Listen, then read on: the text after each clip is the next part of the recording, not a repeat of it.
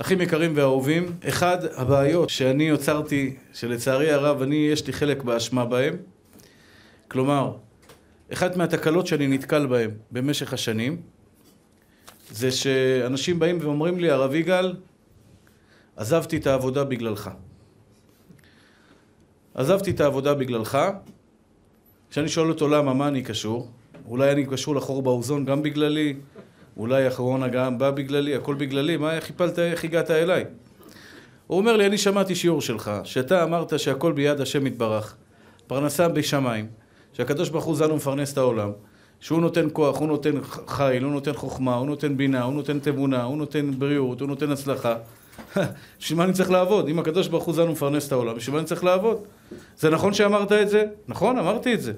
בשביל מה אני צריך לעבוד? אני עוזב את העבודה, הולך לכולל, והקדוש ברוך הוא יעזור. וככה הרבה אנשים, הרבה הרבה אנשים, שעושים השתדלות, אבל השתדלות לא מספיקה, עוד מעט אני אסביר מה זה השתדלות לא מספיקה, שהאמונה היא סיבה טובה מאוד בשבילהם להישאר בעצלנות שלהם. כלומר, מתאים להם מאוד שיעורים באמונה, כי זה בעצם אומר, אני לא צריך לעשות כלום. אם הקדוש ברוך הוא רוצה, אני אקום בבוקר לתפילה. אם הקדוש ברוך הוא רוצה, יהיה לי כוח לבוא לשיעור תורה. אם הקדוש ברוך הוא רוצה, אני אמצא את הזיווג שלי. הוא לא עושה השתדלות. הוא לא מתקשר לשטחניות, לשטחנים. הוא לא בקשר עם אנשים שיבואו לעזור לו למצוא עבודה, או למצוא שידוך. הוא אומר, בורא עולם מביא לי את השידוך שלי עד לכאן. וזו הנקודה שאנחנו חייבים לדבר עליה. כמה אני צריך לעשות השתדלות, כמה אני צריך לבטוח בקדוש ברוך הוא. הבוטח בהשם, כמו שאמר הרב דוד, לפני כן, חסד יסובבנו. מי שזורק את עצמו על הקדוש ברוך הוא, ישתבח שמו לעד, מובטח לו שהוא מסודר. אבל, דיר באלק אם לא תעשה את זה מתוך עצלנות. הכוונה היא, אל תעשה את זה בגלל שלא בא לך לעשות שום דבר, אתה פשוט בן אדם עצלן. אני גם כזה. אני מדבר לעצמי. בהרבה דברים אני אומר, השם יעזור. עזוב אותי, אין לי כוח, השם יעזור.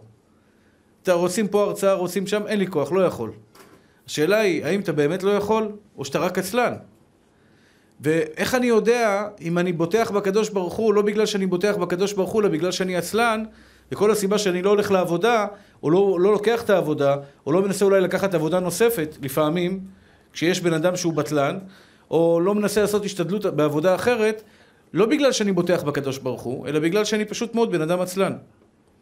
השאלה המהותית שיש לנו פה היום, שאנחנו רוצים, שאני רוצה לדון בה, איפה נגמרת ההשתדלות ומתחיל האמונה וביטחון בקדוש ברוך הוא. כמה אני צריך לעשות בחיים שלי? אתם מבינים את השאלה, כן? כמה, כמה אני צריך לעשות, כמה הקדוש ברוך הוא צריך לעשות. אנחנו שותפים בעולם הזה. למשל, דוגמה, טיפולים להביא ילדים לעולם. אין אדם אין לו ילדים. צריך לעשות טיפולים או לא צריך לעשות טיפולים? כמה טיפולים צריך לעשות? אולי לא. יש בן אדם אומר, אני לא עושה טיפולים. יש בורא עולם, הוא מחליט מתי יהיה לי. הוא רוצה לקחת אותי שותף בילד, הוא ייקח אותי שותף בילד. הוא לא רוצה, הוא לא ייקח אותי שותף. מה יעזור טיפולים? אותו דבר, רפואה. יש בני אדם, לא לוקחים תרופות. לא לוקחים חיסונים. גם בקורונה. אומר לך, אם כתוב למעלה שיגיע לי קורונה, יגיע לי קורונה. לא יגיע לי קורונה, לא יגיע לי קורונה. אז לא, אני לא הולך בלי מסכה, בלי שום דבר. אני, מה שנקרא, מבטל את כל הדברים האלה מעליי, מתקרב לכולם. זה נכון או לא נכון? מה הקדוש ברוך הוא רוצה מאיתנו? שנסמוך רק עליו בהכל? או שגם נחיה את החיים הנורמליים? כלומר, אם הרופאים אומרים לך בקורונה, תשתדל להתרחק, תלך עם מסכה, תשמור על ריחוק, תשטוף ידיים בסבון, אז תעשה את מה שאמרו לך הרופאים. והקדוש ברוך הוא ישמור את, את, התפקיד שלו, מה שהוא צריך לעשות, שהוא ישמור שלא, תיגע, שלא תפגע בך הקורונה. האם גם אני צריך להיזהר, או שאני לא צריך להיזהר בכלל? האם אני צריך לצאת לעבוד, או לא צריך לצאת לעבוד? למה אני צריך לצאת לעבוד? אם למעלה ביום הכיפורים כתוב לי שהקדוש ברוך הוא ייתן לי כך וכך כסף, שזה מה שמגיע לי השנה, בשביל, בשביל מה לי עכשיו לצאת לעבודה, לעבוד, לפתוח את החנות, לעשות ככה, לעשות ככה, לנסות למצוא עוד דברים, לעשות עוד, עוד, עוד פעולות שאני יכול לעשות כדי להביא כסף אליי הביתה, זרוק את זה על הקדוש ברוך הוא. אשליך על השם יאהבך והוא יכלכל לך. האם אני צריך לקחת חלק בתפ... בתפקיד הזה? אדם שהוא חולה, הוא צריך להיות בריא, הוא צריך לעשות ניתוח? הוא לא צריך לעשות ניתוח. כמה השתדלות אני צריך לעשות בחיים שלי, וכמה הקדוש ברוך הוא צריך, כמה, בכמה אני צריך לסמוך על בורא עולם לגמרי. יש מקרים שצריך לסמוך על הקדוש ברוך הוא רק על בורא עולם. אין, לך שום ברירה אחרת. אני אספר לכם סיפור אישי. הייתה לי דלקת, סיפרתי את זה כמה פעמים. הייתה לי דלקת במעיים, לצערי הרב. דלקת קשה וכואבת. לקחתי אנטיביוטיקה. הלכתי לרופא, נתן לי אנטיביוטיקה, הביא לי עוד סוג של אנטיביוטיקה. הדלקת לא עברה, לקח, הלכתי לעוד רופא, הביא לי סוג חזק יותר של אנטיביוטיקה. בסוף פעם שלישית הביא לי אנטיביוטיקה חזקה מאוד, עד כדי כך שהוא אמר לי, כשאתה לוקח את האנטיביוטיקה אסור לך לשכב. אסור לך לשכב על, ה, על המיטה, כי זה יעשה לך צרבות, מרוב שהאנטיביוטיקה היא חזקה, זה יעלה לך בחזרה ויעשה לך צרבות. לקחתי גם אותה, והדלקת לא עברה. פעם רביעית הלכתי לרופא, רופא רביעי אמר לי במילים האלה, זו צרה צרורה. זו צרה צרורה, זו, זו, זו דלקת שלא עוברת. הבנתי שאין לרפואה באמת איזושהי תרופה אמיתית כדי לרפות אותי. אני הלכתי לרופאים. השם ציווה עליי ללכת לרופאים, עוד מעט נראה מאיפה זה כתוב, שהקדוש ברוך הוא ציווה עליך ללכת לרופא. ורפו ירפא, מכאן שניתנה רשות לרופא לרפות. אמנם יש דעות שאומרות שלא, אבל אנחנו ננסה לבאר את זה בצורה אמיתית ונכונה. ובסופו של דבר, יצאתי משם, לא לקחתי יותר אנטיביוטיקה. כי הרופא, הבנתי ממנו שאנטיביוטיקה בעצם זה לא רפואה אמיתית, זה משהו שהם מנסים לעזור לך כדי להתרפות. הבנתי שבעצם עד כאן יש לי אפשרות לעשות השתדלות. כמו בן אדם נורמלי, אני בן אדם מאמין, משתדל להיות מאמין, ההשתדלות וה, והאמונה לפעמים מתנגשים זה בזה. מתי אני יכול להגיד עד פה ההשתדלות שלי? באותו רגע שהרופא אומר לי, תשמע, אין לי מה לעזור לך יותר. יצאתי משם, זרקתי את המרשם, הוא נתן לי עוד אנטיביוטיקה, זרקתי את המרשם, לא לקחתי את האנטיביוטיקה, ובאותו רגע ידעתי באמונה שלמה, אין לי על מי להישען, אין לי אף אחד בעולם שיכול לרפות אותי.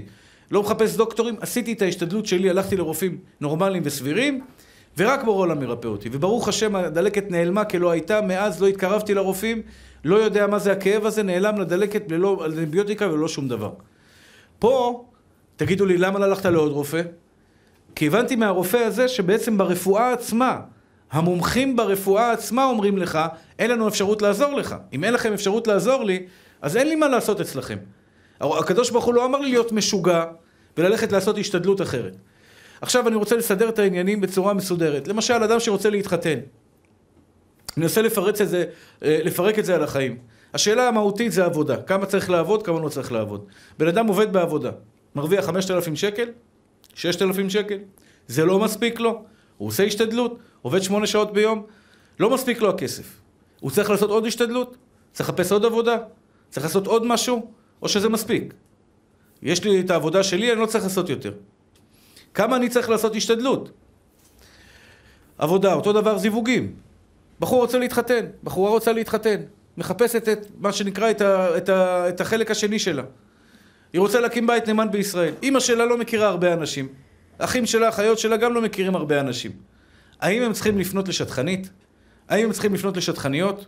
נניח וכן. כמה שטחניות? אחד, שתיים, שלוש, או לעשות עשרה שטחניות? עשר שטחניות? עשר, עשרה שטחנים? כמה שטחניות צריך לפנות כדי למצוא את שאהבה נפשי? למצוא את הבחורה בשביל הבחור? כמה אנשים אני צריך לדבר איתם? תמצא לי שידוך, תמצא לי שידוך, תמצא לי שידוך. בריאות אותו דבר, טיפולים, פוריות, כמה פעמים צריך ללכת לטיפולים. בן אדם שניסה עשר פעמים, IVF, ניסה לעשות הפריות, לא הצליח, בעוונות הרבים, לא הצליח. ימשיך לעשות או לא ימשיך לעשות? אז יש בזה סתירה. יש בזה מה שנקרא מצד אחד, יש פסוק שאומר, מביאה אותו הגמרא, וברכך בכל מעשה ידיך אשר תעשה. אני לא יודע אם אני אומר את הפסוק בצורה הכי מדויקת, אבל המשמעות של הפסוק היא כמו שאני אומר לכם. וברכך בכל מעשה ידיך אשר תעשה. אומרת הגמרא, שהקדוש ברוך הוא ברא את העולם, אמר לך ככה, אתה תעשה, אני ואתה שותפים. כמו שאומרת הגמרא, שלושה שותפים באדם. שלושה שותפים באדם. אבא ואימא מביאים בשר ודם, והקדוש ברוך הוא מביא נשמה. הקדוש ברוך הוא מביא את הנשמה של הילד, אבא ואימא מביאים בשר ודם. הקדוש ברוך הוא אומר, תשמע, בן יקר שלי, בת יקרה שלי, צאו לעבודה. צאו לעבודה. בכל מעשה ידיך אשר תעשה. כלומר, אתה תעשה, אני אשלים אותך. אני אתן לך את הפוש קדימה, אני אהיה המשלים שלך, בסופו של דבר הקדוש ברוך הוא עושה הכל. אבל הוא רוצה שגם אני אעשה. הוא רוצה שגם אני אפעל, כי זה התפקיד שלי בעולם. וחלק מהתפקידים האלה זה גם לצאת לעבודה, להביא פרנסה הביתה, לדאוג לרפואה. למה הקדוש ברוך הוא עשה את זה? זה לא הזמן כרגע, זה לא מעניין אותי. למה הקדוש ברוך הוא רוצה שאני אעבוד? זו שאלה שבאמת מפריעה לי. למה הקדוש ברוך הוא רוצה שתפתח חנות? מה העניין שתפתח חנות? שישלח את הפרנסה בלי לפתוח חנות. למה הוא רוצה שנזרע את האדמה? כדי, אתן לכם דוגמה, צריך לאכול ולשתות. אדם יכול להגיד, אני לא אוכל ולא אשתה והקדוש ברוך הוא יעשה אותי שבע? מותר להגיד כזה דבר? הוא חייב להרים את האוכל ולהאכיל את עצמו? ודאי. הוא חייב לשתות? הוא חייב להרים את הכוס ולשתות? ודאי. אתה לא יכול לסמוך על הקדוש ברוך הוא שייתן לך את האוכל דרך uh, מלאכי השרת שיביאו ויאכילו אותך בזונדה. אתה צריך לעשות את ההשתדלות שלך, לקחת את האוכל ולאכול. למה השם יתברך ציווה עליי לקחת עכשיו אוכל ולאכול אותו? מה העניין בזה? זו שאלה שאני לא רוצה כרגע לדון בה, כי זו שאלה באמת אה, מהותית, למה אדם צריך... אני אגיד לכם בקצרה את התשובה לזה. הבנתם את השאלה עכשיו שאני שואל? אני אחזור על השאלה. אדם חייב לעשות השתדלות. זו מילה כוללת לכל הפעולות שלנו בחיים. השתדלות זה אומר, יש לי חבר למשל שלא קונה בית. חי בשכירות. הוא אומר, מה אני צריך לקנות בית? מה, הקדוש ברוך הוא צריך שאני אקנה בית? יבוא המשיח, אני אקנה בית. כרגע אני לא קונה בית. אני קניתי בית. כלומר, אני, הדעה שלי הייתה אחרת. הדעה שלי הייתה שלפי ד... ד... ההיגיון, לפי הסברה, לפי השכל הפשוט, למה שאני אשלם שכירות ואזרוק את הכסף על דבר שהוא לא, לא שלי? אני אקנה בית, אני אשלם מש... משכנתה, בסופו של דבר הבית יהיה שלי. כלומר, מי צודק, אני או הוא? כל אחד יש לו את הדעה שלו, לדעתי הדרך הנכונה זה צריך לעשות השתדלות. בדרך הסבירה. כמו שעכשיו, הנה, אני צמא, אני לוקח את הכוס מים ושותה. האמת היא שהקדוש ברוך הוא יכול לעשות אותי רווי, אה, אה, לא צמא, גם בלי שאני אשתה. זה ברור. הקדוש ברוך הוא כל יכול. הוא לא צריך עכשיו מים כדי להרוות את צימוני. כדי שאני אהיה שבע, הקדוש ברוך הוא יכול לעשות אותי שבע בלי לאכול אוכל. הוא יכול לתת לי אנרגיה יש מאין, משתבח שמולד. כל מלאכי השרת בידיו, הוא יכול לשלוח מלאכים שייתנו לי את כל הוויטמינים שאני צריך בלי שאני אפתח את הפה לאכול. הוא יכול לעשות את זה, הוא לא יכול לעשות את זה? התשובה היא בוודאי שהוא יכול לעשות את זה. אין דבר בעולם שהוא במגבלה אצל בורא עולם, כי הוא בורא. הוא מחיה אותך כל רגע ורגע, הוא לא רק ברא אותך, הוא מחיה אותך כל רגע ורגע. כלומר, הקדוש ברוך הוא יכול הכל. אז למה אני צריך לעשות את ההשתדלות הזאת? הוא יכול לתת לך פרנסה בלי עבודה. יש לי תלמיד, יש לו אסתמה גבולית. לפעמים יש לו אסתמה, לפעמים אין לו אסתמה. שאל אותי, הוא הולך לביטוח לאומי. הוא הולך לביטוח לאומי לקבל אה, אה, קצבה מביטוח לאומי על האסתמה שלו. שאל אותי אם מותר לשקר או אסור לשקר. אם מותר לבוא עכשיו לביטוח לאומי, אה, לא יכול לנשום, אני זה, אני זה, או שתבוא רגיל, אמרתי לו, אסור לך לשקר בשום פנים ואופן, זה גזל. אל תשקר. מה שמגיע לך תקבל, מה שלא מגיע לך אל תקבל. אל תשקר בכלל. תלך, תגיד בדיוק מה יש לך. מדי פעם, פעם בשבוע, פעם בשבועיים, כואב לך, עושה לך, רע לך, תגיד את זה בדיוק במה שצריך להגיד, והכל בסדר. הוא באמת הלך, אומר לי הרב, קיבלתי התקף אסתמה מול הפרופסור. הבן אדם מדבר איתו, הוא אומר לו, הוא לא יכול לנשום. קיבל התקף אסתמה מול הפרופסור, נתן לו 100% נכות וקצבה לכל החיים. פרנסה כל החיים, 5-6 אלף שקל משכורת לכל החיים, אחרי זה חזר לעצמו, ברוך השם האסתמה עברה, אבל הדוקטור ראה בפירוש, השם נתן לו עכשיו אסתמה, אולי מההתרגשות, לא יודע בדיוק מה קרה לו עם האסתמה הזאת, קיבל את האסתמה ליד הרופא, ברוך השם השתבח שמו לעד, וקיבל מה שנקרא קצבה. הקדוש ברוך הוא יכול לתת קצבה לכל אחד ואחד מכם, שלא תצטרכו שתהיו בריאים לעולם ולנצח נצחים בעזרת השם. אבל הקדוש ברוך הוא יכול לתת לכם בעזרת השם את הפרנסה שלכם בלי שתלכו לעבוד. אז למה הוא רוצה שאני אעבוד? חולה, חולה. קורונה או לא קורונה, לא משנה, כל אחד שיש לו חס ושלום מחלה. הוא הולך לטיפולים, הולך לניתוחים, עושים ניתוחים, אה, בתי החולים היום משוכללים בכל מיני טיפולים מטיפולים שונים. מה, הקדוש ברוך הוא לא יכול לרפות את הבן אדם בלי ניתוח? הוא לא יכול לרפות את הבן אדם בלי לקחת תרופות? הוא לא יכול לרפות את הבן אדם בלי שהוא עכשיו ילך לכל מיני טיפולים מורכבים? בוודאי שהקדוש ברוך הוא יכול לרפות אותו. השתבח שמו לעד, אני ראיתי ניסים אצל אנשים, ניסים גלויים. אנשים עם מחלת הסרטן בלבלב, בכבד, במקומות הזויים, שברוך השם השתבח והתעלה שמו לעד, נרפאו. נרפאו. אני שמעתי סיפורים גם לאנשים שלא לקחו כדורים. לא כימותרפיה ולא שום דבר, ונרפאו. הקדוש ברוך הוא יכול לרפות? כן יכול לרפות. אז למה הוא רוצה שאני ילך ויעשה השתדלות? כלומר, אני אלך עכשיו ויקח כדור חס ושלום. או שאני אלך לעבוד, להביא פרנסה לביתי, או שאני אלך עכשיו למצוא שידוך לבת שלי, אני אתקשר לפלוני, יש לך בחור בשבילה, אני אתקשר לאלמוני, יש לך בחור בשבילה. למה אני צריך לעשות השתדלות?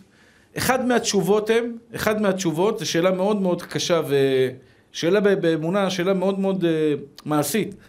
התשובה היא, אחים יקרים, שהקדוש ברוך הוא רוצה לנסות אותך. רוצה לנסות אותך. לך לעבוד, בני היקר, בזיעת אפיך תאכל לחם. אתה לא תוכל לקבל את הפרנסה שלך בנחת, בזיעת אפיך תאכל לחם, מצד אחד, אבל מצד שני, תאמין באמונה שלמה שהקדוש ברוך הוא זה שזה מפרנס אותך. כלומר, זה כמו שאומרים לך בבוקר, תשתחווה לפסל, ובערב תן לו בעיטה לפסל, תגיד לו, אתה עבודה זרה, רשע, מרושע, אני, לא, אני שונא אותך, אני לא אוהב אותך, אין לך שום דבר, אין, אין לי שום חלק ונחלה איתך. בבוקר אתה הולך לעבוד, בערב אתה אומר, מי הביא לי את הפרנסה? הקדוש ברוך הוא. כלומר, זה ניסיון מטורף. אדם לוקח אנטיביוטיקה, יש לו עכשיו חס ושלום דלקת, ואנטיביוטיקה בדלקת זה, זה, זה, זה, זה פלא.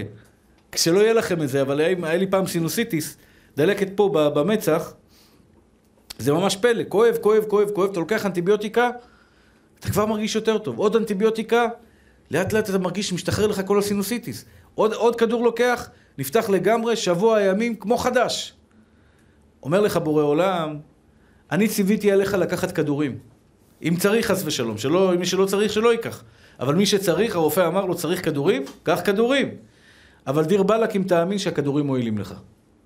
אתה חייב לדעת באמונה שלמה ואמיתית שהכדורים לא מעלים ולא מורידים, ורק אחד יחיד ומיוחד, מלך מלכי המלכים הקדוש ברוך הוא יכול לרפות אותך. תראו אחים יקרים ואהובים שלי, יש פסוק שהוא מציק לי הפסוק הזה. הוא מציק לי בקושי להבין אותו. שלמה המלך אומר, יד חרוצים היא תעשיר. לא זוכר את תחילת הפסוק, מרמה, משהו עם מרמה, זה, ויד חרוצים היא תעשיר. אתם שומעים מה אומר הפסוק הזה? יד חרוצים היא תעשיר. כלומר, אדם שהוא חרוץ, ידיים חרוצות, תעשיר. וזה לכאורה סותר את כל מה שלמדנו בחובת הלבבות. זה סותר את כל מה שאמרנו, הבוטח בהשם, הבוטח בהשם, הבוטח בהשם. יד חרוצים היא תעשיר? וכי בגלל שאני חרוץ זה יהיה לי פרנסה? מה הקשר בין שני הדברים? אתם מבינים את השאלה? אחים יקרים ואהובים שלי, יש דבר שהקדוש ברוך הוא לא אוהב בבני אדם. אחד המעלות, אחד המגרעות הגדולות ביותר שיכולות להיות באדם, וזה עצלנות. אדם עצלן. אדם עצלן זה אדם שעובד, סליחה על הביטוי, אני לא מתכוון לפגוע באף אחד. עובד בעבודה שהוא מרוויח בה 5,000 שקל, אין לו מה לאכול ולא מנסה להכניס עוד הכנסה נוספת הביתה.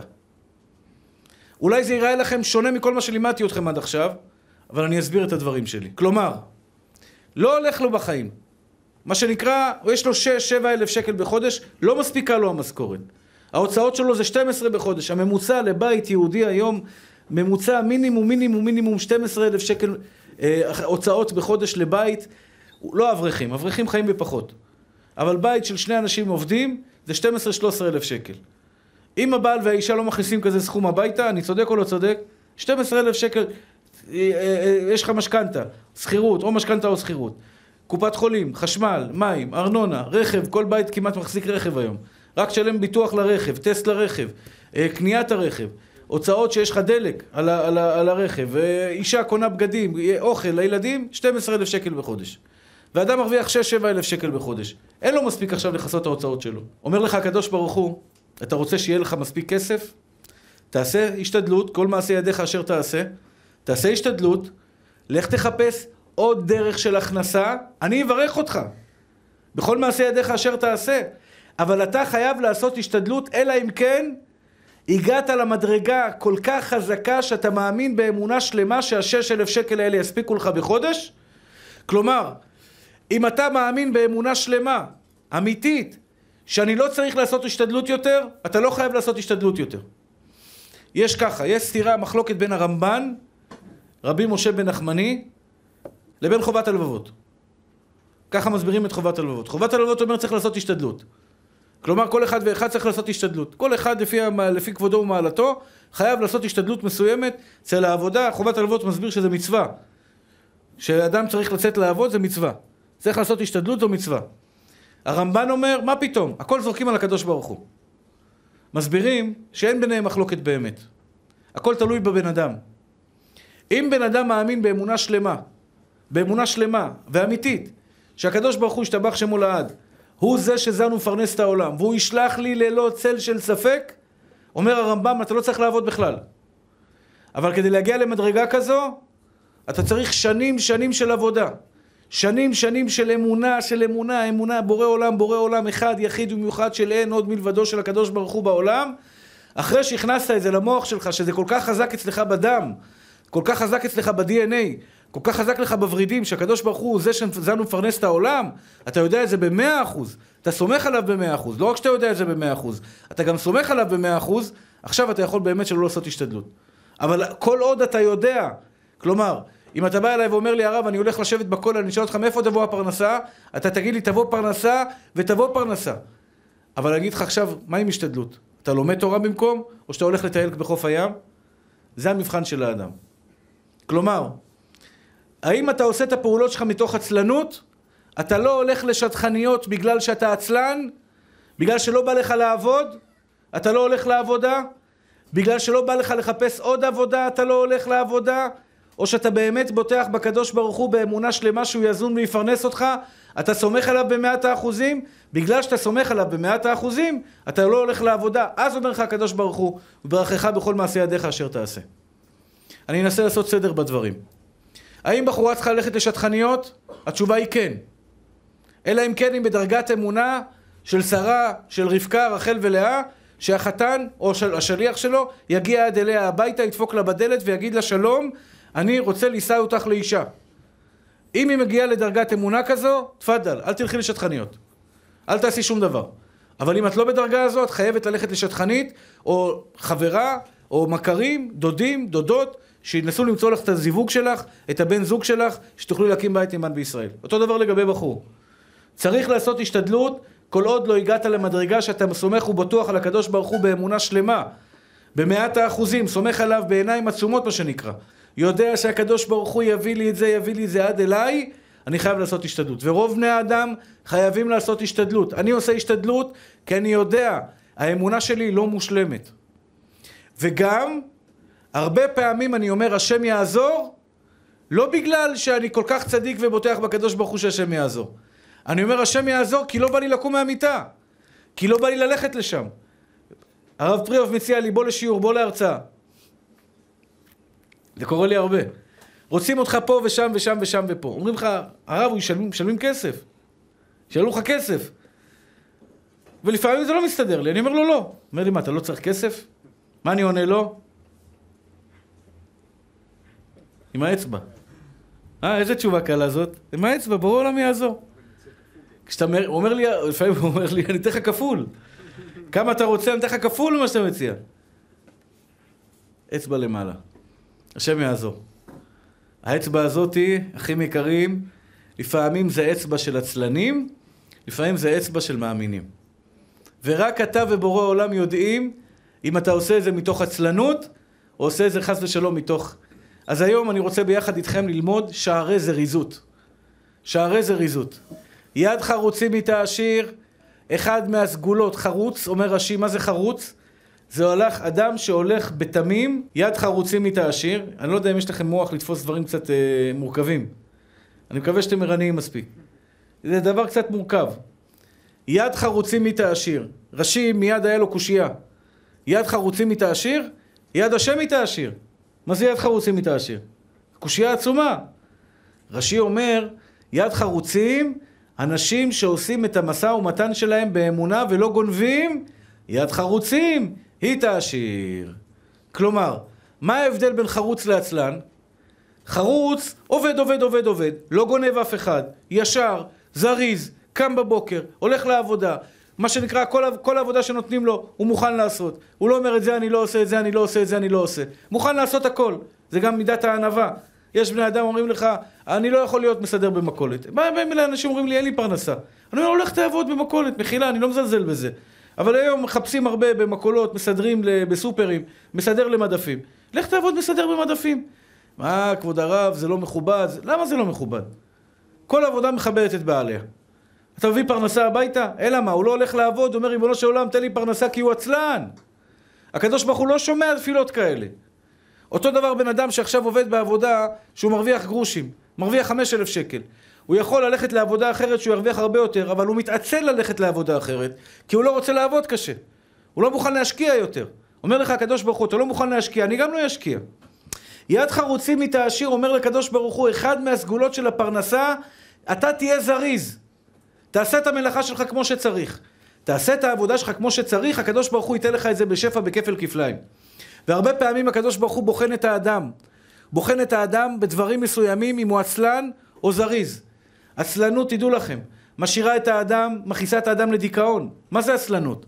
הוא לא פעיל, הוא לא הולך לחבר'ה, הוא לא מדבר, הוא לא יוצא, הוא לא עושה, הוא לא מזיז עניינים, הוא לא חי, הוא לא חי את החיים שלו, הוא לא יוצא לכאן, לא יוצא לכאן, כל היום תקוע אצלו בבית, הוא נכנס לדיכאון.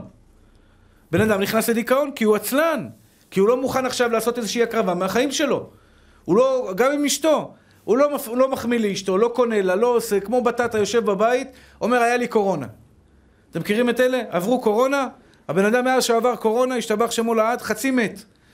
אומרים לו, תקום, לך תעשה התעמלות. אומר לו, לא, הריאות שלי, היה לי קורונה, אומרים שהריאות נפגעו בקורונה. איזה ריאות? יש לך ריאות של, של סוס, אתה יכול לרוץ עכשיו מרתון. גמרנו, נגמר הקורונה, מה אתה יושב עכשיו כמו זקן עם הקורונה בבית? הבן אדם הזה, סיבה למסיבה, אשתו אומרת, תעשה כוס. לא יכול, אני יורד מדרגות, אני מתנשף, אני מתנשף, פתאום אתה רואה אותו רוצה ללכת לאיזה משחק כדורגל, הוא רוצה ללכת לשם, הבן אדם מעיף כדורים, רץ כמו סוס, השתבח שמו לעד, רץ כמו... יש לו הכל.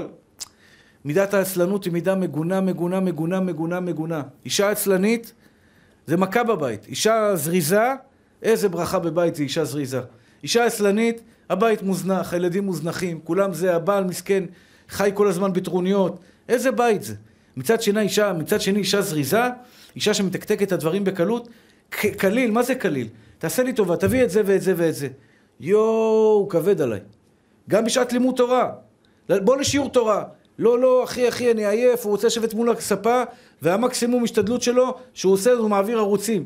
ערוץ הספורט, ערוץ הקניות, ערוץ ה... לא יודע איזה ערוץ, אה, טלנובלה, טלנובלה, הוא רואה טלנובלה, אוי ואבוי לבן אדם הזה שמסכן, יושב כל היום מול הטלוויזיה.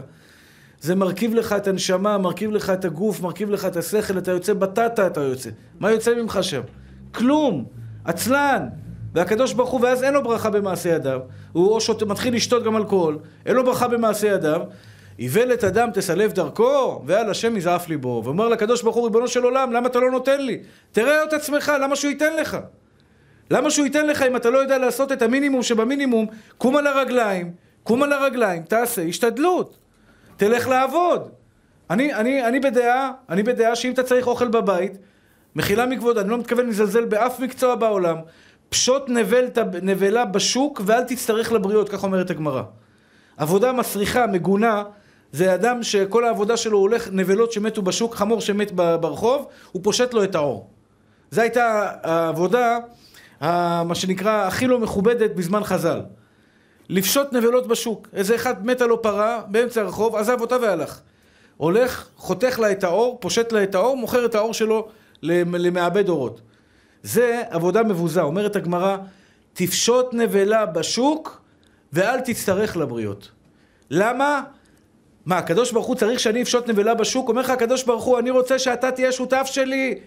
לא באת לעולם כדי לשחק. תראה לי שאתה עושה השתדלות ואני אומר את זה לכל האברכים. לכל האברכים. אברך שמסכן מרוויח מעט כסף, מרוויח 1,800 שקל, 2,000 שקל, 3,000 שקל, זה לא מספיק, זה גרושים. אשתו מרוויחה עוד 3,000, 4,000 שקל. אין הקומץ משביע את הארי. הרב מזוז לימד אותנו תמיד, לך תחפש עבודה בערב. עבודה שמכבדת אותך. אל תהיה בטלן.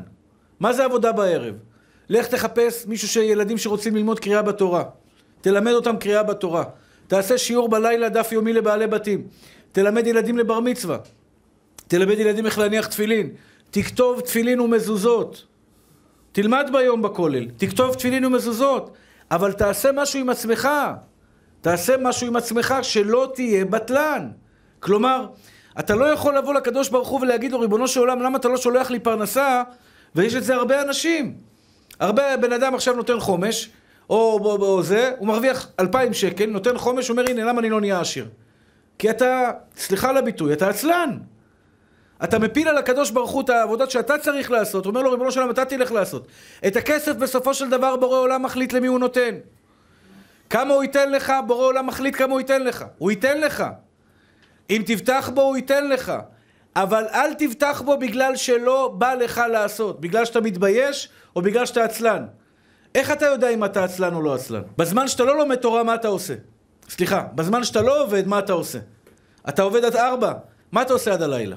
אתה לומד תורה? אתה מנצל את הזמן שלך? או שאתה עושה דברים בטלים. אם אתה עצלן, לך תחפש עוד עבודה. בא לי בן אדם, אומר לי, אני עובד שמונה שעות ביום, זה לא מספיק לי. אני אומר לו, לא, תחפש עוד עבודה. אמר לי, הרב, אתה מדבר על ביטחון? אני אומר לו, מה אתה עושה בשעות הלילה? הוא פעם בשבוע בא לשיעור שלי ביום שלישי. וכל השבוע מה אתה עושה? אתה בא לשיעור שלי בעשר בלילה. מה אתה עושה כל השבוע? כלום! אומר הקדוש ברוך הוא, אתה לא עושה כלום, לך לעבוד.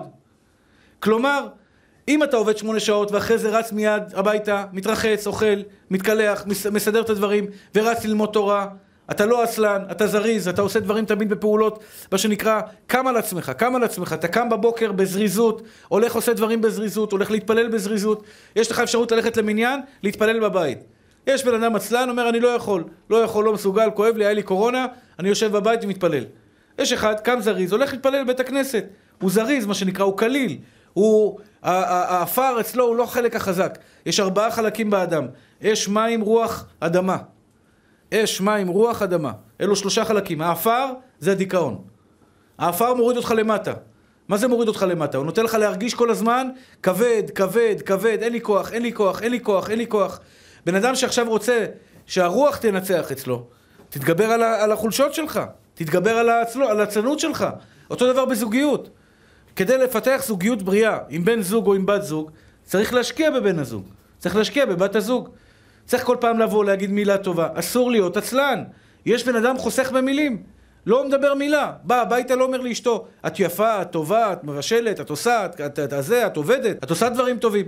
אין לו שום יכולת להגיד לה מילה טובה לאשתו. אם אין לך יכולת להגיד מילה טובה לאשתך, כלומר אתה לא נותן, אתה נותן לעצלנות לשלוט בך, בסופו של דבר הבית הזה יורד. זה פרנסה, זה בבריאות. בריאות, אדם צריך לשמור על הבריאות שלו. הוא לא יכול כל היום לשבת על הכורסה, לאכול גלידות, לראות uh, טלנובלה, ולהגיד, ואומרים לו, רגע, מה עם הבריאות שלך? אומר, מן אללה ישתבח שמו לעד, בורא עולם שמור אותי בריא. לא, לא אחי, לא. בכל מעשה ידיך אשר תעשה, אתה תעשה והקדוש ברוך הוא ישמור אותך בריא. תעשה השתדלות, תעשה התעמלות, תלך ל... תעשה משהו שאתה אוהב. הליכה, אה, חדר כושר, כדורגל, כדורסל, מה שאתה אוהב. תשחק, תהנה, תשמור על הגוף שלך בריא, והקדוש ברוך הוא ידאג שתהיה בריא. זה הולך שני דברים ביחד. כל גדולי הדור היו כאלה, תדעו לכם. גדולי הדור שמרו על סוכר, הרב עובדיה, מאז שגילו לו את הסוכר, כמו שעון הוא היה לסוכר. כמו שעון, איזה 40 שנה היה לו סוכרת, שהוא היה צריך להזריק אינסולין. אבל בגלל שהשם ציווה לשמור על הבריאות, הוא שמר על הגוף שלו, על הסוכר שלו, תקין כל הזמן. היה תמיד דואג מה נכנס לפה, חס ושלום לא מזלזל בבריאות. וזו נקודה חשובה מאוד, רבותיי היקרים. החבר'ה הצעירים אומרים, מה הרב, מה הוא מדבר? הנה, אני אוכל גלידות, אני אוכל המבורגר, אני אוכל צ'יפסים, והכל בסדר. חכה נשמה שלי, חכה, מגיעים לגיל 40, גיל 50, פתאום מפרקים, פתאום רגליים, פתאום שומנים, פתאום הכרס מתחילה לגדול, ואתה אומר, רגע, אף פעם לא היה לי כרס, מאיפה הגיע לי הכרס? נשמה טהורה שלי, צריך לשמור על הבריאות, לא להגזים, לא להשתגע, יש כאלה אוכלים רק חסות וגמבות כל היום, זה אין טעם בחיים, זה עדיף בשביל מה לחיות, כאילו, עוד, אז תחיה עוד עשר שנים, מה הטעם בחיים? כל היום אוכל לי גרעינים של, אה, של חמניות וגרעיני זה. לא צריך להגזים. לא צריך להגזים, צריך לאכול בטוב טעם, בדעת נורמלי, אבל מצד שני, לעשות התעמלות. הרמב"ם אומר את זה, הרמב"ם כותב את זה בספרו, שאדם חייב לעשות התעמלות, לאכול אוכל בריא, לא לאכול הרבה, לאכול תמיד קצת שאתה נשאר מה שנקרא קצת רעב, לא ממש שבע, קצת רעב, ובסופו של דבר הוא אומר, ואני ערב לו שהוא יהיה בריא. מה זה ואני ערב לו? שואלים על הרמב"ם, מה, בריאות זה משמיים, מה זה ואני ערב לו? אומר הרמב"ם, אתה תעשה השתדלות, עצם ההשתדלות זו סגולה לקבל מבורא עולם את מה שאתה רוצה. כלומר, לא לעבוד יותר מדי, בואו נעשה סדר בדברים רבותיי היקרים. נחלק את זה לכמה חלקים. כסף, בריאות, זיווגים, שלום בית, ועוד דברים קטנים שכל אחד ואחד יכול להוסיף לעצמו. האם אני צריך לעבוד קשה בשביל להביא כסף הביתה? לא. אבל אני צריך לעבוד? כן. אני צריך לעשות השתדלות נורמלית שהשכל שלי יגיד זה מספיק להביא פרנסה לביתי. אני נותן הרצאות, זה חלק מהפרנסה שלי, נותן הרצאות, ברוך השם, משתבח שמו לעד, אני צריך להגיד שלוש הרצאות בשבוע, ארבע הרצאות בשבוע, זה מספיק לי לעבוד, לעשות לקדוש ברוך הוא את מה שאני צריך לעשות. דוגמה אני נותן, כן? דוגמה. אתה עובד במקום עבודה, מרוויח עשר אלף שקל, מספיק לך עשר אלף שקל בחודש, תעבוד בעשר אלף שקל, תפתח בקדוש ברוך הוא שיביא לך את השאר. אבל אם זה לא מספיק לך, והעבודה שלך לא מספקת אותך, אתה חייב לחשוב במחשבה שלך איך אני מכניס עוד כסף הביתה, בכל דרך אחרת, בלי שעות עבודה מיותרות, בלי זה, ואז לפתוח בקדוש ברוך הוא, שהקדוש ברוך הוא יעזור לך. כי ההשתדלות שלי נגמרת איפה שהאמונה שלי מתחילה. איפה שהאמונה שלי מתחילה, כלומר, אני יודע, פה אני לא צריך לעשות יותר, כי בורא עולם ייתן לי. למשל, אשתי רוצה עכשיו לקנות, לעבור דירה.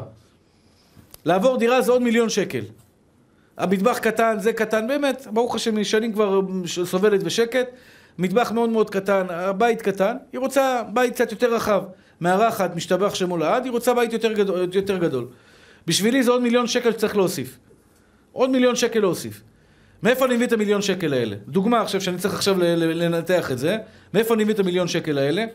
אני רוצה צריך לעשות ככה וככה וככה וככה, ויותר מזה אני לא צריך לעשות שום דבר. בורא עולם כבר ישלח לי את המיליון שקל. ברגע שהגעתי להבנה בתודעה הזאת, בתודעה שלי, שזו העבודה שאני צריך לעשות כדי להביא את המיליון שקל והשאר כבר בורא עולם יעשה, אני לא חייב לעשות השתדלות יותר. איפה שנגמר לי השכל, מספיק לי, פה האמונה נכנסת. אני צריך לעשות עבודה, השתדלות כזו וכזו וכזו, שזה פחות או יותר יסדר לי את הבית שלי מבחינתי. אני אצליח או לא אצליח, זה בורא עולם מחליט. אני צריך לעשות את ההשתדלות, אני חייב לעשות את ההשתדלות. לעשות אותה בזריזות, לעשות אותה בזריזות. דרך אגב, לעשות אותה גם בנאמנות. שזה לא פחות חשוב, לא רק לעשות אותה בזריזות, להיות נאמן, אחד מהסגולות הגדולות ביותר בפרנסה, זה להיות נאמן לבעל הבית.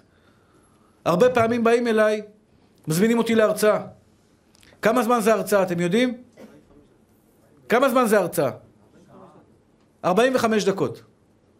בכל מקום, הרצאה זה 45 דקות. כל הרצאה שאתם, שמזמינים מרצה, 45 דקות. ואני לא מסוגל. אומרים לי 45 דקות, אומר, אני לא מסוגל. באים, משלמים לי כסף על זה, איך אני עכשיו יכול להגיד להם 45 דקות? תן לי לדבר שעה, ואני עייף, אני רוצה ללכת הביתה כבר. אבל אתה חייב להיות נאמן למי שמשלם לך. הבעל הבית שלך, אתה עובד אצלו? אתה נאמן לו, אחי?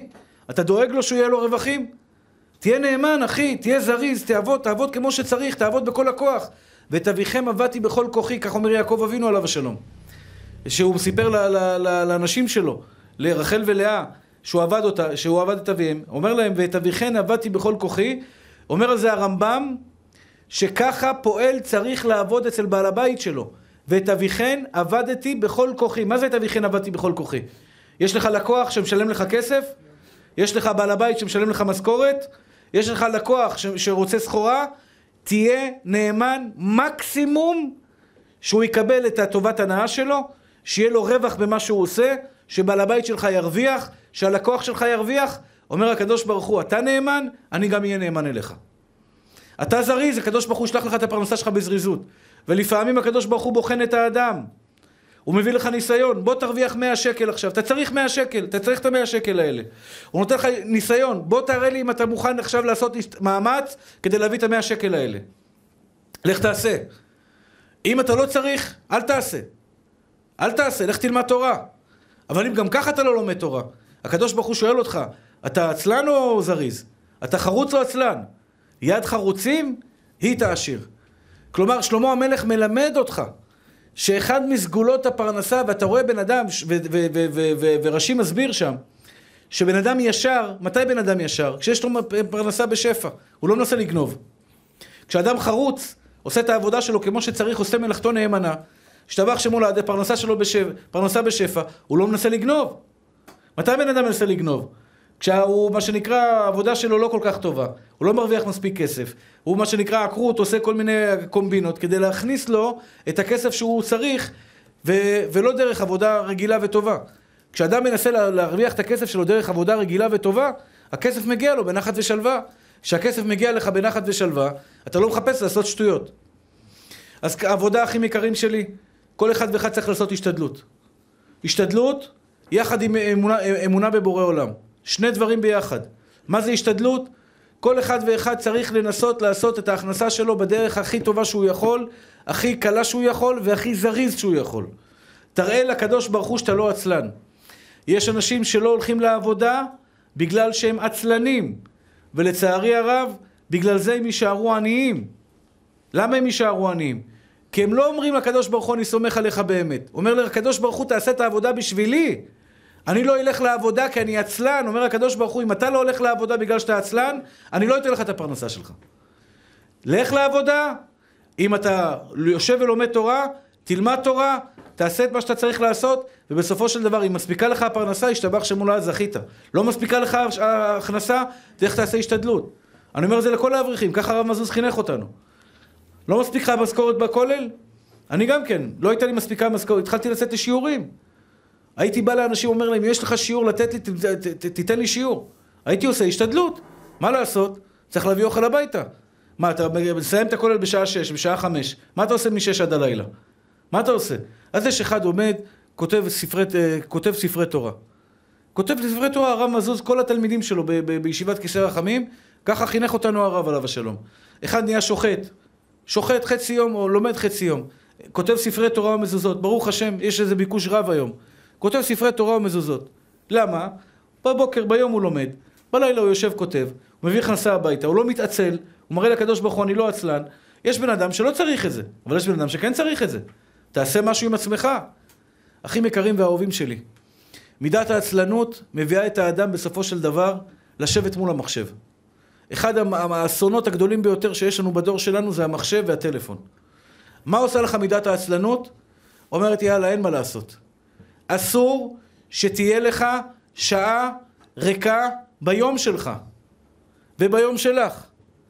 אסור שתהיה לך שעה ריקה בחיים שלך. אם יש לך שעה ריקה, אתה תסתובב באינטרנט. תסתובב באינטרנט רק דברים לא טובים, אלא אם כן אתה רואה שיעורי תורה. אם אתה רואה שיעורי תורה זה משהו אחר. אבל בדרך כלל, מה רואים שם? מכוניות יפות, נשים, כסף, שטויות, אבל אם בסופו של דבר אתה רואה את כל הדברים שאין לך בחיים, זה יכניס אותך לדיכאון. אני אומר לכם, מחשב ומסך מכניס בני אדם לדיכאון, מחקרים מגלים את זה. שבני אדם נכנסים, נוטים לדיכאון כשהם יושבים כל היום מול המסך. באת לשיעור תורה, הרגשה הרבה יותר טובה. אתה חוזר הביתה משיעור תורה, אתה, חוזר הביתה, עשית משהו טוב. יש לך סיפוק ממה שעשית. יצרת דבר חדש, לא התעצלת. הדלקת את האוטו, נסעת, חיכית, ישבת, הגיע הרב, שמעת, החזקת מעמד, לא נרדמת, יש לך סיפוק, עשית משהו טוב. ניצחת את העצלנות שלך, היית חרוץ. חרוץ אחים יקרים ואהובים שלי, גם ללכת לרופא. אם אדם חולה ולא מרגיש טוב, צריך ללכת לרופא. למה? ורפו ירפא, מכאן שניתנה רשות לרופא לרפות. כך כותב חובת הלבבות. חובה ללכת לרופאים. אבל, לך גם לרבנים. אם אתה הולך לרופאים ולא הולך לרב לבקש ברכה, יש לך בעיה רצינית, אתה, יש לך בעיה של אמונה. צריך לעשות את שניהם. למה צריך ללכת לרופא? לא בגלל שהרופא יכול לרפות יותר מהקדוש ברוך הוא. חס ושלום. אתה צריך ללכת לרופא כי הקדוש ברוך הוא השתבח שמולד ציווה עלינו ורפו ירפא. הכוונה היא, זה לא ציווי, זה רשות, בגלל שניתנה רשות לרופא לרפות, אבל הקדוש ברוך הוא אומר לך, לך בני, לך תחפש לך את, ה, את הרופא שלך, את הרופא שתמצא בעזרת השם את הכוח לעשות איתו את, את, את המלאכה, כי השם ציווה שרופאים יכולים לרפות, ושם נמצאת הרפואה של האדם. אז הקדוש ברוך הוא ציווה שדרך כדור מסוים, דרך רפואה מסוימת, צריך לעשות השתדלות ולהגיע לזה שלך. אותו דבר בזיווגים, אל תתביישו אחים יקרים שלי. יש כאלה שיש להם אגו. אגו אומר, מה, אני אחפש בחורה? יש חבר'ה חילונים, אני אומר לו, תגיד לי, אתה רוצה שאני... לא חילונים, אתה יודע, מסורתיים. אני אומר לו, צדיק אתה רוצה לסדר חמישי? מה, אומר לי, בשידוך הרב? כאילו, מה, אתה תבוא תביא לי בחורה? כאילו, מה, אני לא יכול למצוא בחורה לבד? אז מה אם הם... זה, מה, מה זה האגו הזה? מה זה הגאווה הזאת? אני לא יכול לייצר את זה, אז מה אם אני מביא לך בחורה טובה, מה אכפת לך מי הביא אותה? אם יש לך בחורה טובה. יש כאלה שמעצלנות לא, לא הולכים לשטחנים. לא צריך שטחנים, אבל צריך שמישהו יעזור לך למצוא את השידוך שלך. אלא אם כן, אימא שלך, ברוך השם, מכירה כל כך הרבה בנות, מביאה לך לבד. אתה מבין? אני לבנות שלי, אומר לכם את האמת. אפילו שהרבה מציעים, יש לי מישהי לבת שלך, יש לי מישהי לבת שלך, הם עדיין לא בשידוכים. אבל בעזרת השם שיגיע זמנם, כשיגיע זמנם, אני מתכוון לגשת לכמה רבנים בכיסא רחמים ואולי בעוד ישיבה שתיים, ולהגיד להם, תשמעו רבותיי, אין, אין לזה בושה. אני רוצה לבנות שלי את הכי טוב שאני יכול. לגשת אליהם ולהגיד להם, תשמעו רבותיי, אני מבקש מכם, אם יש לכם בחור, חמד בחורים, טוב, ירא שמיים, בעל מידות טובות, בעל מידות טובות, מתנהג בדרך ארץ, וגם יודע ללמוד, בבקשה תביאו לי. אני אשלם לכם שכרכם. אשלם לך שכר. אני, אני טוען שלשטחן ולמתווך צריך לשלם, תבינו תקילין. למה? שווה לי לשלם לשטחן עשר אלף שקל דוגמה, שיביא לי בחור, מה שנקרא תותח.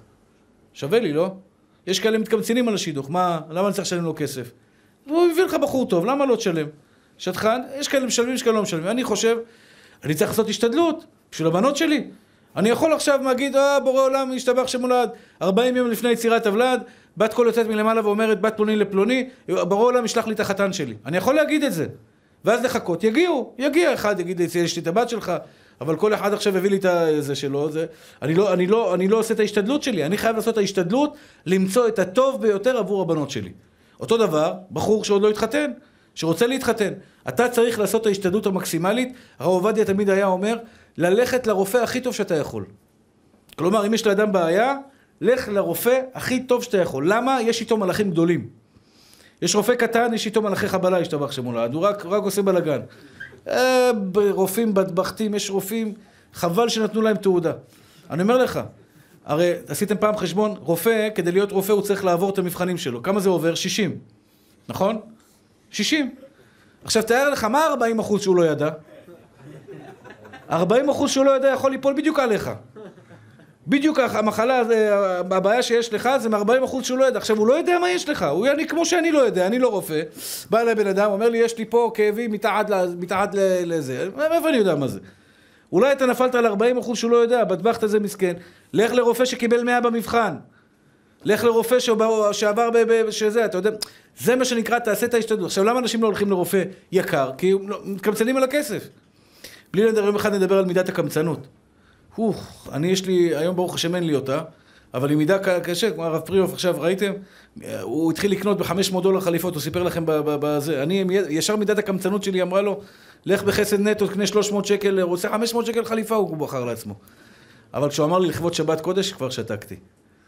הוא אמר לי, זה לכבוד שבת קודש, השתבח שמו לעד, וואלה, הוא קיבל מזומן אותו לילה את הכסף. אותו לילה 500 דולר, קיבל את ה-500 דולר. המידת העצלנות ומידת הקמצנות הן מאוד קרובות זו לזו. מידת העצלנות זה שאדם לא, יודע, לא, לא רוצה לעבוד. הוא לא רוצה להשתדל, הוא לא רוצה לעשות מאמץ, הוא לא רוצה להתאמץ. מה, עצלן?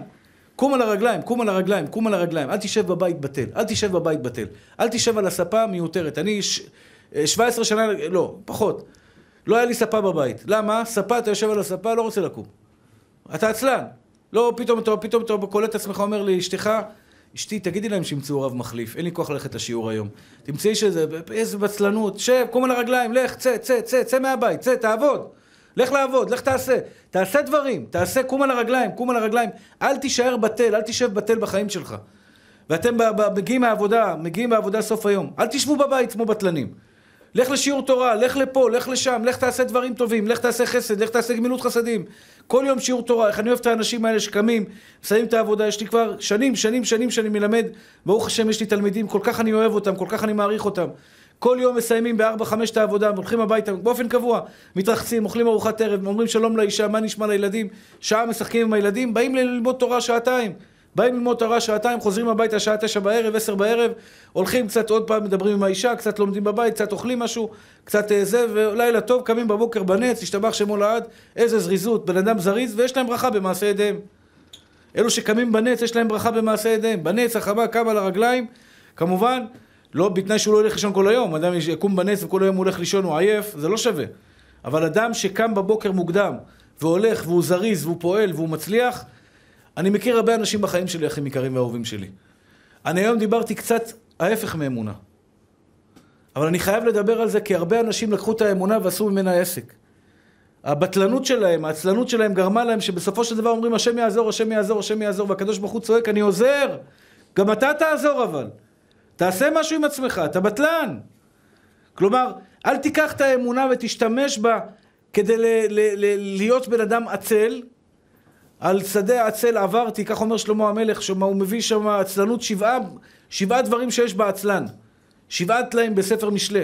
שבעה דברים שיש בעצלן שמביאים את האדם בסופו של דבר, מורידים אותו למטה. הזריז והחרוץ ויד חרוצים, היא תעשיר. מה זה יד חרוצים היא תעשיר? בן אדם שהוא זריז, גם כשהוא לומד, כשאדם לומד תורה, יש בן אדם קם בעייף, אני רואה את זה פה על העיניים שלכם.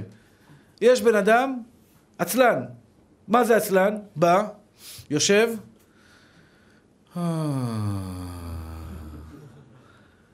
והגוף פתאום אומר לו, אתה עייף אחי, אתה עייף מהמילה שלי. בפעם הראשונה שהוא מרגיש טיפה עייף והעיניים שלו נעצמות, הוא זורם. הוא זורם, אחי. והוא נושן, והוא קם, והוא מתעורר, מסתכל עליך בעיניים כאלה, כאילו, איפה אני? אתה עייף? אני מבין, תתאמץ, אחי. תנסה לא להירדם, קום על הרגליים, שתי כוס תה, שתי כוס קפה, תנסה להתאמץ, אל תזרום עם העצלנות. תראה, ניסית, יש אחד, אני רואה אותו עומד ככה מול עיניו, והוא נרדם. הוא עוד פעם מתעורר והוא נרדם. בא אליך לתת לו נשיקה על המצח. איזה גיבור אתה. כל הכבוד. אתה נלחם. אני לא יודע כמה הוא הבין בשיעור שלי. רוב הסיכויים שהוא לא הבין כלום.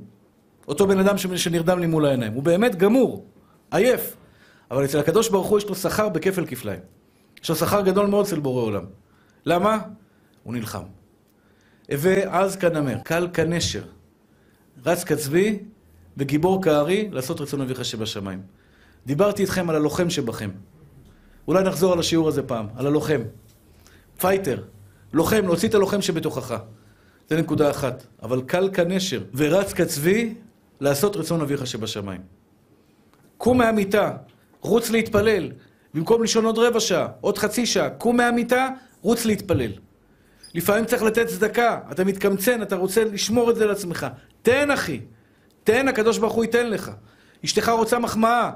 לפעמים אתה בא הביתה עייף, אשתך אומרת, קח אותי, אני רוצה ללכת, אני רוצה לצאת, בוא תוציא אותי מהבית קצת, אני רוצה לצאת. קום על הרגליים, איפה שאת רוצה, אשתנו לוקח אותך. עד שאתה מתחרט על הרגע שאמרת את זה. לפעמים אני עושה את זה לאשתי, אני בא הביתה גמור, אה, די, נמאס לי כבר, אני כל היום בבית עם הילדים, בוא נצא, בוא נצא, בוא נצא, איפה שאת רוצה אני לוקח אותך. ואז פתאום מתחילה, אולי ניסע לאילת?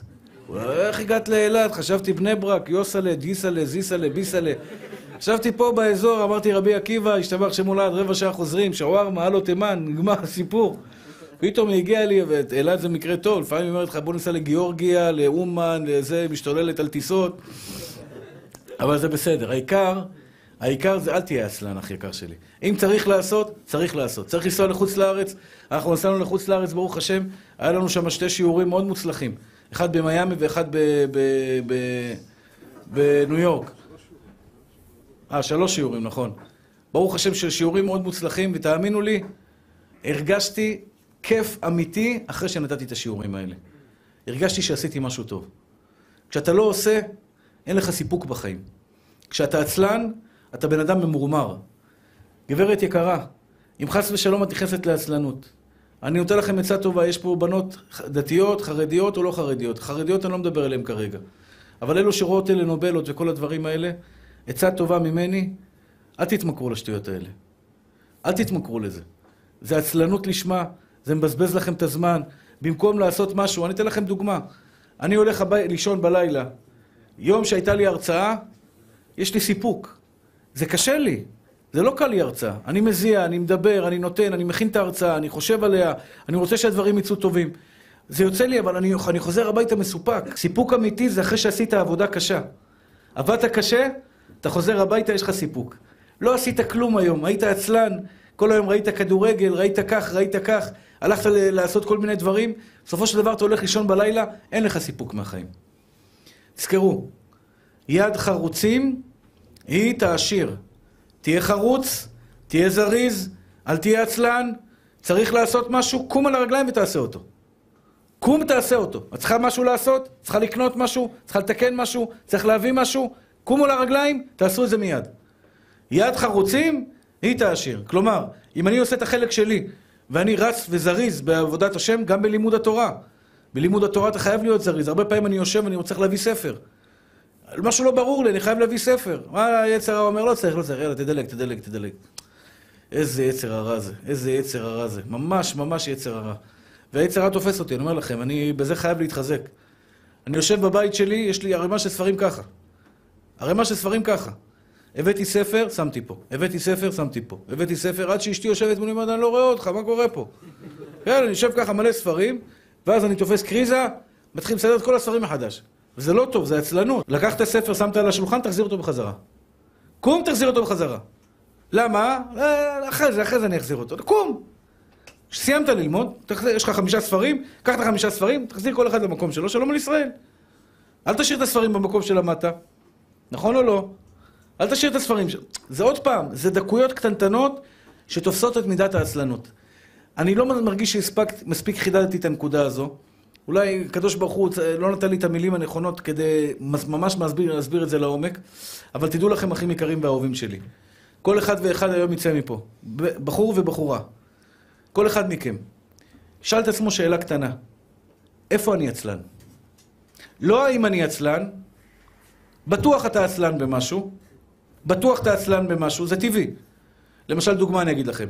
יש כאלה יגידו לו, בוא כדורגל, בשתיים בלילה, ארבע בבוקר, הוא רץ לשחק כדורגל, בחיים שלו הוא לא עצלן כדורגל. תגיד לו, שחק כדורסל? אה, לא אוהב כדורסל. הוא עצלן בכדורסל. כדורגל הוא חזק, כדורסל הוא חלש. למה? הוא מטר, מטר, מטר עשרים, משתבח שמולד, הוא נמוך. כדורסל לא בשבילו. יש אחד, בלימוד התורה, וואו, אש. הוא אוהב ללמוד תורה. תן לו רק ללמוד תורה. אבל בחסד, אוי, הוא בטלן. הוא עצלן. הוא לא ילך לעזור. אני חלש בזה לצערי הרב. אני לא חלש, החסד שלי קצת בדברים אחרים. אבל אני אומר לכם את האמת, יש לי אח הפוך ממני, סיפרתי לכם עליו. זה שבחדר, שמחלק את האוכל ביום, זה אחראי על האוכל, מחלקת החסד של יביע עומר, זה יש לי אח. שיהיה בריא. מה אתה צריך, אני צריך להוריד עכשיו מקרר בקומה שלישית. אם אתה מבקש ממני להוריד מקרר בקומה שלישית, אני מרים טלפון למישהו, אומר לו, קח 500 שקל, תוריד לו את המקרר, תעשה לי טובה. אתה מבין? אפילו במחשבה שלי אני לא מצליח להרים את המקרר. חבר, צריך עזרה, להוריד מקרר. חלש, חלש אחי, חלש. אני מוכן לתת לו 500 שקל, קח, המצב שלך קשה, קח 500 שקל, תוריד את המקרר. תזמין את האלו עם המעלית הזאת, שיורידו לך את המקרר, שלום על ישראל. רק אל, אל, אל, אל תקרא לי להוריד לך את המקרר. אני חלש בזה. כלומר, יש, דברים שמצד שני אני חזק. הרצאות, דברים כאלה, לדבר עם בן אדם, לעזור לבן אדם. אנשים שהם לא מעט, אתה יודע, לפעמים יש אנשים מסכנים, שבורי לב, אה, אחרי אבדות, אחרי קורבה, אחרי כל מיני... זה צרות, השם ירחם ויציל. צרות צרורות. זה נפטר, ההוא נפטר, זה קרה לו ככה, זה קרה לו ככה, לעודד אותו, לחזק אותו, להרים אותו, אני שם. אני שם. בעזרת השם, בלי נדר, אם אני יכול, אני שם. אבל כל עוד אני בריא בנפשי. כל עוד אני מרגיש טוב. אבל יש דברים שאני חלש בהם. כל אחד מכם ישאל את עצמו, במה אני עצלן? וינסה לתקן את זה. לקום בבוקר, אתה עצלן, הכי יקר שלי? ברוך השם, יש כאלה שזריזים. אח שלי, ארבע בבוקר על הרגליים. ארבע בבוקר בלי שעון מעורר, בלי כלום. הוא מעיר את השעון מעורר, אומר לו, קום, קום, שעון מעורר, מה קרה לך? קם לפני ארבע בבוקר, פותחות לו העיניים, גם אבא שלי עליו השלום ככה היה, להבדיל בין החיים. ארבע, ארבע בבוקר, פותח את העיניים, מסתכל, מודה אני לפניך מלך חי וקיים, שחזרת בנשמתי, וצ'יק, קם מהמיטה, יאללה, רץ לעבודה. השתבח שמולד. אני, תעיר אותי בשמונה, שי, הבת שלי מפה והבת שלי משם, והקטנה מדגדגת אותי ברגליים, אבא קום, אבא קום, אבא קום. אה, יותר, אבל האמת היא שאני, הוא יושן בתשע בערב, בעשר בלילה הוא כבר השתבח שמולד ברקיע השביעי, אני בשתיים רק מתחיל לזוז לכיוון המיטה. טוב, כל אחד הוא עצלן בכיוון, בכיוון אחר. התיקון שלנו, רבותיי היקרים והצדיקים, כל אחד שיקום וינסה לפתח את מידת הזריזות אצלו, להיות זריז יותר, וברגע שאנחנו נהיה זריזים, בשידוכים בעזרת השם, תעשה את ההשתדלות והקדוש ברוך הוא יהיה בעזרנו.